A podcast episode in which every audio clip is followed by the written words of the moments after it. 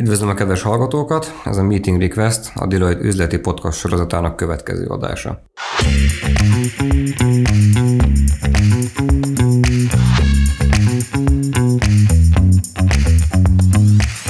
Én Maranyi Gábor vagyok, a Deloitte magánszemélyek foglalkoztatásával, adózásával foglalkozó csoportjának az igazgatója.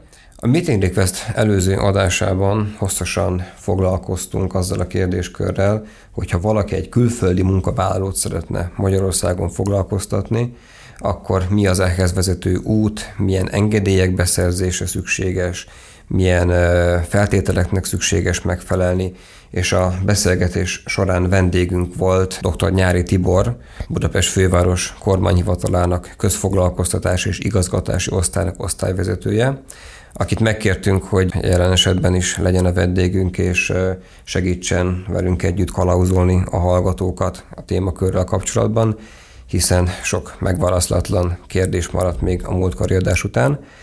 Úgyhogy ismételten köszöntöm a stúdiómban dr. Nyári Tibort. Köszönöm én is a meghívást. És ahogy a múltkor adásban is, most is velünk van dr. Kistóf Kitti kolléganőm, csoportunk egyik menedzsere. Üdvözlöm én is a hallgatókat és Tibort is. Akkor folytassuk tehát a beszélgetést. Nagyon sok kérdéskört érintettünk már a témakörrel kapcsolatban. Én azt gondolom, hogy most akkor nézzük meg azt, hogy mégis a gyakorlatban hogy indul, hogy néz ki egy ilyen folyamat, főleg az a kedvére, akiknek semmilyen tapasztalatuk nincs még külföldi magánszemélyek foglalkoztatásában, tehát milyen hatósághoz, milyen nyomtatványt kell benyújtani, milyen kérelmet kell összeállítani, milyen dokumentáció igénye van ennek. Ugye gyakorlatilag, gyakorlatilag, mivel beszéltünk az összevont eljárásról, hogy a, igazából az ügy indulása az idegenrendészet keretében tart. Ugye az idegenrendészeti eljárásnak ugye a ügyintézési hatály, de ezt nehéz egy kicsit elhatárolni, az ügyintézési hatály, de az 21 nap, Viszont ebbe rengeteg olyan a szakhatósági megkeresési időtartalma, ha hiánypótlásra kell felhívni az ügyfelet, ebbe a 21 nettó napba, nettó ügyintézés napba ez nincs benne, ami én azt gondolom napjainkban a legfontosabb hogy mondjam, határidő, ez az úgynevezett objektív határidő, ami, amelyen belül az idegenrendészetnek mindenféleképp döntenie kell, ez a főszabályként 70 nap, a kérelem benyújtásától.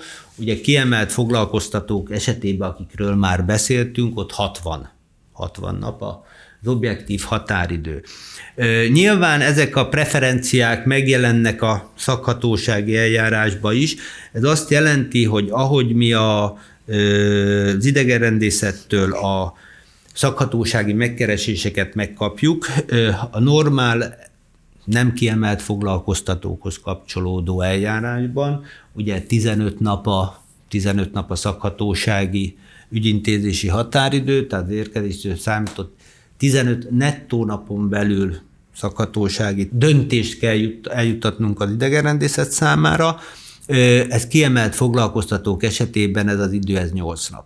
Szintén, mint ahogy mondtam, ugyan ezekbe a hiánypótlást mégis ki kell bocsátanunk, ezek, a, ezek az idők nem számítanak bele, amely mondjuk a másik oldal, vagy az ügyfél tevékenységét igényli.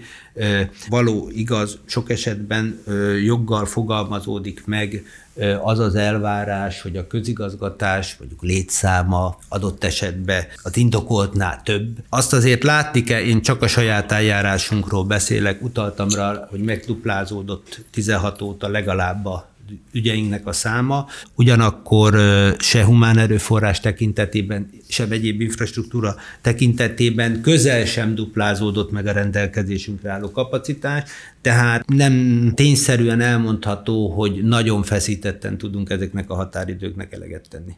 Szóba kerültek a, az imént a hiánypótlások.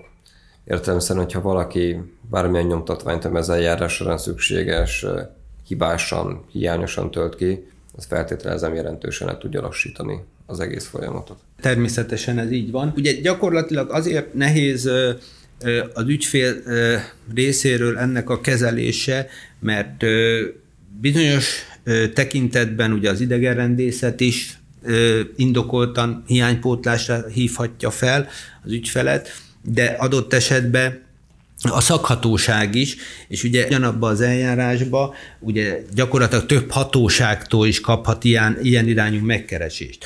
Azt látni kell azonban, hogy az idegenrendészetnek ugye a, mint ahogy beszéltünk erről, ugye maga a természetes személy az ügyfele. Még ha a kiemelt foglalkoztató jár is el, de az kiemelt a személy.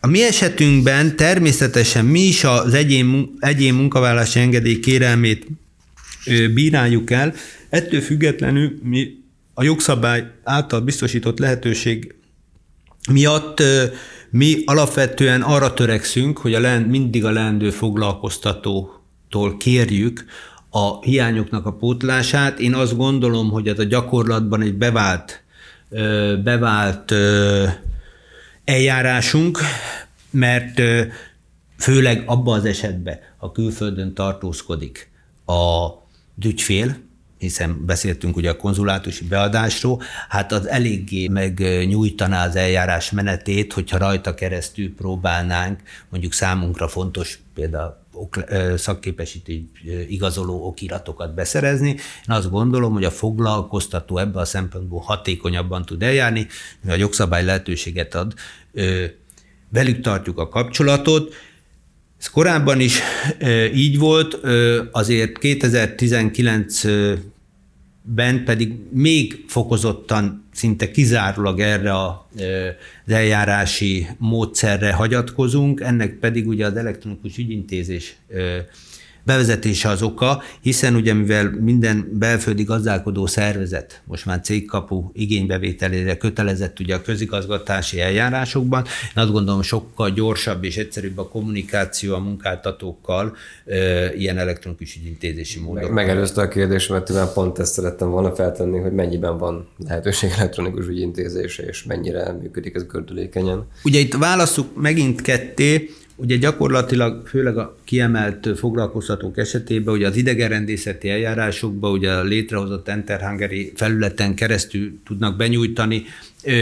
Én arról nem szeretnék többet beszélni, mert a, annak a rendszernek a működését csak felületesen ismerem. A közigazgatási szerveknek, azaz nekünk is kellett valamiféle felkészülés a jogszabály az elügyintézés jogszabály január 1-i hatályba lépését követően, de gyakorlatilag nyár óta áttértünk kizárólag, kizárólag az elektronikus ügyintézésre a partnereinkkel, vagy a gazdálkodó munkáltatókkal, gazdálkodó szeretekkel kapcsolatban. Mert nagyon sokat emlegettük a, a kiemelt foglalkoztató fogalmát, és én amikor elkezdtem idegenrendészeti kérdésekkel foglalkozni, nekem azt mondták, hogy aki kiemelt, az úgy is tudja magáról, hogy kiemelt, de azért vannak ennek ismérvei, amiről lehet, hogy érdemes egy pár szót ejteni, illetve talán arról is, hogy a többségi külföldi tulajdonban lévő foglalkoztatókkal kapcsolatban is vannak bizonyos kedvezmények, ami a munkaerőigényt jelenti. Ez sem biztos, hogy köztudomásról hallgatóink számára. Gyakorlatilag a kiemelt foglalkoztatói körbe négy kategóriát tudunk besorolni. Egyrészt, akikről beszéltünk, akinek stratégiai megállapodása van a magyar kormánya, az a pénz, azt hiszem a külügyminisztérium honlapján ez a lista megtalálható, 80 vagy 90 cég van ezen a listán. Egy következő kör a nemzetgazdasági szempontból kiemelt beruházást megvalósító foglalkoztatók. Itt azért egy nagyon érdekes jogalkalmazási kérdés, amely azonban már tisztázódott. Rengeteg olyan nagy nemzetgazdasági szempontból kiemelt beruházás van, ahol azért ugye az, hogy kivalósítja ezt meg, egyrészt van egy beruházói szerep, van egy kivitelezői szerep, tehát viszonylag ezt tágan értelmezi a gyakorlat, tehát aki olyan foglalkoztató, amely ilyen beruházáshoz alvállalkozói szinten tud kapcsolódni, nyilván ezt az eljárás során bizonyítani kell, abban az esetben ők is ebbe a körbe tudnak kerülni. Ugye utaltunk rá, hogy akik a, az hiányszakmákba foglalkoztatott munkavállalókat kívánják foglalkoztatni ők is ebbe a körbe, illetve egy fontos jogintézményt, mely 16-ba került be a magyar jogszabályokba, szintén egy uniós irányel, illetve a vállalaton belüli áthelyezett fogadó szervezetek és foglalkoztatók esetében beszélhetünk kiemelt foglalkoztatóról. Amire Kitti utalt, ugye ez gyakorlatilag a többségi külföldi tulajdonban lévő vállalatok, ugye az ő esetük annyiban speciális, hiszen a jogalkotó is belátta azt, hogy lehet egy olyan ö, munkavállalói kör akár a cég életében, többségi külföldi tulajdonú cég életében, amelyik amely kör olyan kulcspozíciókat tölt be, olyan fontos feladatokat lát a cégnél, hogy indokolatlan lenne a külföldi tőkebefektetése tekintettel mondjuk elvárni a magyar álláskereső foglalkoztatását. Ugye rájuk ez a köznyelvbe létszámigazolásos engedély kerül kiadást, ami azt jelenti, hogy gyakorlatilag az adott cégnél az előző ö, negyedév ö, statisztikai létszámának 10%-át meg nem haladó mértékig lehet külföldi állampolgárt munka, munkaerőgény nélkül foglalkoztatni, tehát gyakorlatilag ott csak ott is vizsgáljuk, hogy a szakképesítés rendelkezésre áll-e, de gyakorlatilag meg az előzetes megállapodást, hogy megfelele bérezés, egyéb tekintetben ugye a magyar alapvető szabályoknak, de egyébként mondjuk az ő tekintetükben munkaerőgény benyújtására nincs szükség. Mi a helyzet a hozzátartozókkal? Milyen irányú hozzátartói viszonyt Gábor hogyan érti ebbe az esetben? Arra gondolok, hogy biztos sokabban felmerül kérdésként, hogyha megtalálják azt a megfelelő embert a külföldön, aki tudná pótolni a, a hiányt a mindennapokban, és szereznek is neki, vagy közösen sikerül egy engedélyt megszerezni, akkor az ő családja milyen feltételek mellett tud Magyarországon tartózkodni, milyen könnyítések érhetőek elesleg ezzel kapcsolatban. Gyakorlatilag a, a családi együttélés céljából kiadott tartózkodási engedély a családi együttélés céljából van kiadva, tehát az önmagában ugye munkavállalás nem jogosít. Igazából annyi kedvezmény van a családtagok vonatkozásában csak, hogy akkor munkavállási engedélymentesek, egyébként ugyanúgy munkavállalási engedély kell számukra, ha legalább egy éve már Magyarországon élnek, és az a férj, édesapa, tehát hozzátartozó, akinek a jogánők itt vannak, ő is engedélymentes a munka. Tehát ez egy nagyon szűk kört érint, tehát én, én azt gondolom, azt gondolom főszabályként azt mondhatjuk, hogy az ő munkavállalásuk is ugyanúgy munkavállalás engedély köteles, és itt, ha már ez szóba került itt a hozzátartozó viszony, ugye az egy jelentős változás az idén év januárjától, hiszen globalizált a világ, ugye a, szerelem az nem ismer határokat, tehát gyakorlatilag, gyakorlatilag ugye a magyar állampolgároknak a házastársuk, ház, házastársaik kikerültek a szabad mozgás és jogával tartózkodó személyi körből, és átkerültek a HAN törvény, tehát a harmadik országbeli állampolgárok magyarországi tartózkodására vonatkozó törvény hatája alá, gyakorlatilag ezt követően kíván Magyarországon ilyen jogcímen tartózkodni és munkát vállalni, akkor ők munkavállalási engedélyes körbe tartoznak.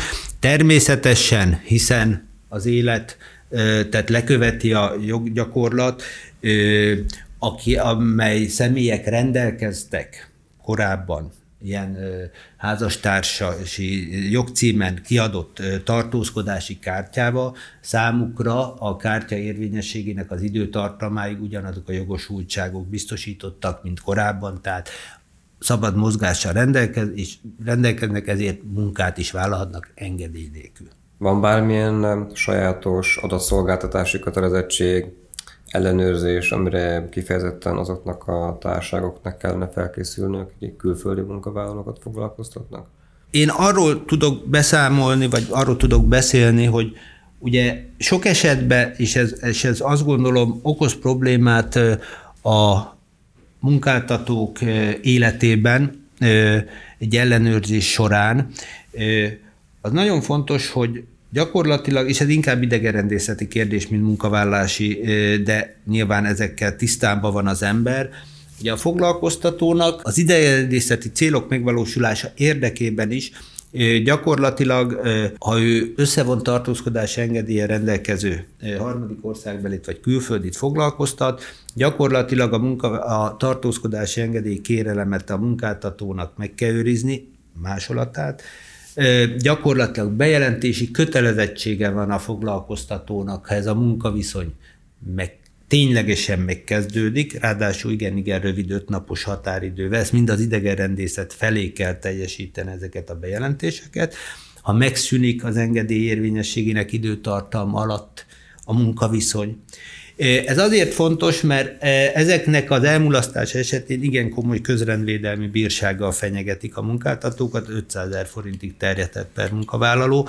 Tehát gyakorlatilag én azt gondolom, hogy ez fontos, és, és bár marginális administratív kötelezettségnek tűnik, de igen, igen, súlyos pénzeket lehet ezért fizetni, illetve amit nagyon fontos tudni, mert ez a jogkövető, egyébként jogkövető munkáltatók esetében is gondolik, és ami nagyon fontos, ugye, hogy Magyarországon a, nem a mi szervezetünk, hanem a munkai felügyelőség az, aki jogosult arra, hogy a külföldieknek a magyarországi foglalkoztatásának a szabályait szabályának a betartását a foglalkoztatóknál ellenőrizze.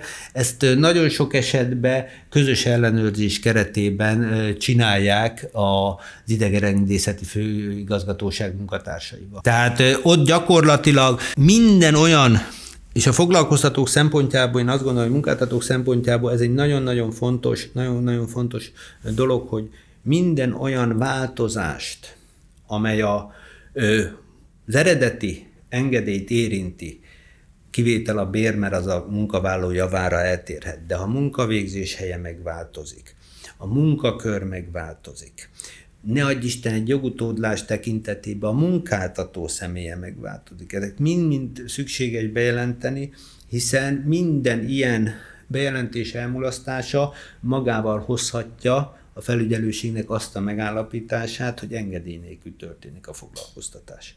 Ezt jól értem ebből, hogy abban az esetben, ha mondjuk a munkavállaló munkaköre tekintetében történik valami változás, ez gyakorlatilag egy újabb munkaerőigénynek minősül? Ha belegondolnak, beszéltünk itt létünk elején arról, hogy a munkaerőigény tekintetében adott munkakörre vizsgáljuk meg a magyar munkaerőpiacot, tehát gyakorlatilag mi az adott munkakörre adjuk ki az engedélyt, így nem volt lehetőségünk arra az eljárásban, hogy egy adott másik munkakörre, amit mondjuk önkényesen megváltoztat, vagy a két fél, megvizsgáljuk, hogy a magyar munkaerőpiacon magyar álláskereső van-e.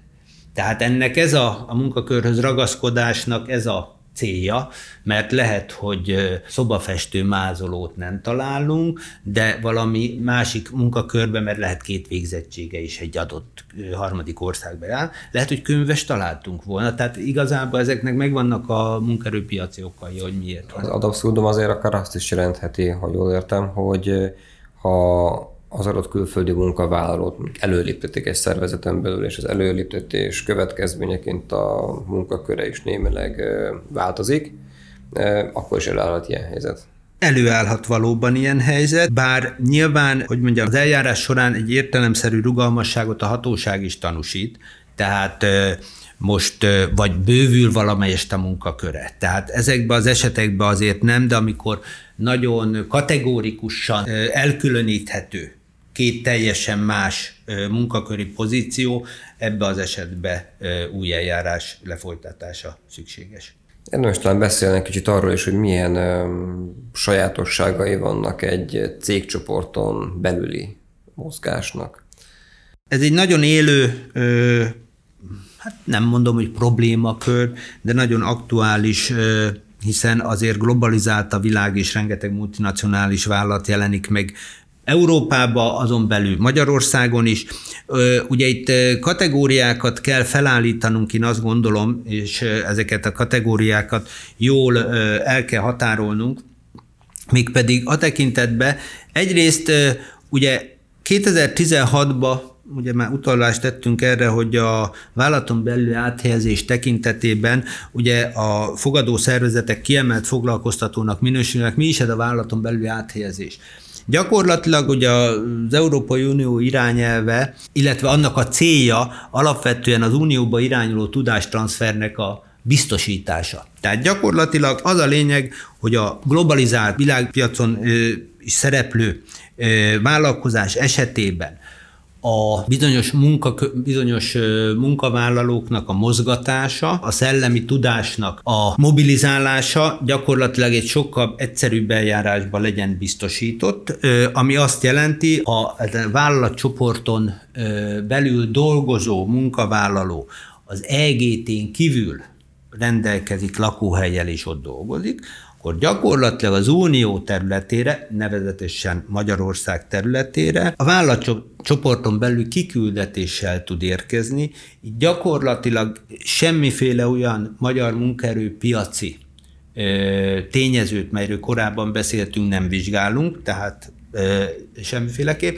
Ami viszont nagyon fontos, hogy ez három körre is, ez, ez a tudástranszfernek ez a, azt hiszem a kategóriája, tehát ez csak vezetőkre, tehát vezető beosztású munkavállalókra, gyakornokokra, illetve szakértőkre, tehát olyan speciális tudással rendelkező személyekre vonatkozó eljárás, akiknek a részvétele, most ugye a gyakornoknak a karrier építés, illetve a cég életébe történő beépülés tekintetében, másik két esetkörben pedig egy olyan, olyan tudás mozgatása a vállalatcsoporton belül, amely azt gondolom a vállalatoknak alapvetően nélkülözhetetlen. Tehát a vállalaton belül áthelyezés az egyik fajta olyan ö, multinacionális cégeken belüli mozgás. Ettől azért jelentősen el kell, mert itt gyakorlatilag, gyakorlatilag egy összevont eljárás keretébe ö, kerül kiadásra az engedély, de még egyszer mondom, munkaerőpiaci szempontokat gyakorlatilag nem vizsgálunk. Hogy lehet azt felmérni, hogy valaki szakértőnek minősül-e? A részletekben nem szeretnék belebonyolódni, mert ez az európai képesítési keretrendszert kellene ismerni, mely inkább az oktatási hivatalnak a kompetenciája. Gyakorlatilag az összevont eljárásra vonatkozó irányelv illetve a jogszabály is azt fogalmazza meg gyakorlatilag, hogy hát azért minimum, tehát minimum ugye középfokú végzettség és valami olyan szakmai tudás, amely lehet adott esetben a cégcsoporton belül szerzett szakmai tudás is, tehát nem feltétlenül iskolába szerzett szakképesítésre irányul ez a tudás, ami a cégcsoport életébe, vagy az ő tevékenysége tekintetében fontos. Tehát gyakorlatilag, gyakorlatilag itt elég nehéz egyes esetekben a hatóságnak az eljárása, annak a mérlegelése, hogy az valóban egy olyan speciális ö, tudás-e, ö, amely megalapozza ezt a szakértői ö, kategóriát, de általában én azt, ö, az a gyakorlat, az a gyakorlat, hogy ö, ebben megfelelő rugalmasságot tanúsítunk. Tehát nem óhajtunk mi feltétlenül, nem, nem óhajtjuk befolyásolni a cégeknek az ilyen irányú döntését. De hogy akkor na, gyártóser, gyártósori összeszerelőt, azt nem tudunk mondjuk szakértőnek minősíteni, de, de minden nap életben előforduló problémák egyébként az eljárásaink során, de egyébként főváros tekintetében ilyen vállalaton belül áthelyezéses ügy olyan 4-500 van egy évben. Tehát mondtam 2016 óta. Ettől viszont kategórikusan el kell különítenünk, mert ez nagyon hangsúlyoznám, hogy ez a jogintézmény, ez azokra a vállalatokra vonatkozik, és azokra a személyekre vonatkozik, akik az LGT-n kívülről óhajtanak beutazni. Ettől jelentősen elkülöníteném, és ez látom, tapasztaljuk, hogy ez okoz bizony, bizonytalanságot az ügyfeleink körébe, azokat az eseteket, amikor egy vállalatcsoport vagy csak az unión belül fejti ki a tevékenységét, és ott van letelepedett vállalkozása, vagy csak a letelepedett vállalkozások állnak egymással a magyar és a az EGT-n belül letelepedett kapcsolatban, és ez nagyfokú bizonytalanságot okoz, hogy mi, mi az eset, milyen, mi a megoldás abban az esetben, ha az Unió más tagállamában letelepedett vállalkozásnál foglalkoztatnak egy olyan unión kívüli állampolgárt, aki mondjuk német munkavállási engedélye foglalkozik. És a német munkavállalás engedélye foglalkoztatott német vállalattól a cégcsoport tulajdonában lévő magyar vállalathoz akarják ezt a ö, német engedélye rendelkező ö, egy indiai állampolgárt ö, kiküldeni. Ugye ez, a, ez pedig a posting, ez a kiküldetéses irányelv adja meg erre a választ, hiszen ugye a, határ, a határon átnyúló szolgáltatások mellett A szabad transnacionális intézkedésnek minősül az is, hogyha az unión belül a vállalatcsoportok ilyen munkavállalókat kiküldenek a cégcsoport tulajdonában lévő leányvállalathoz.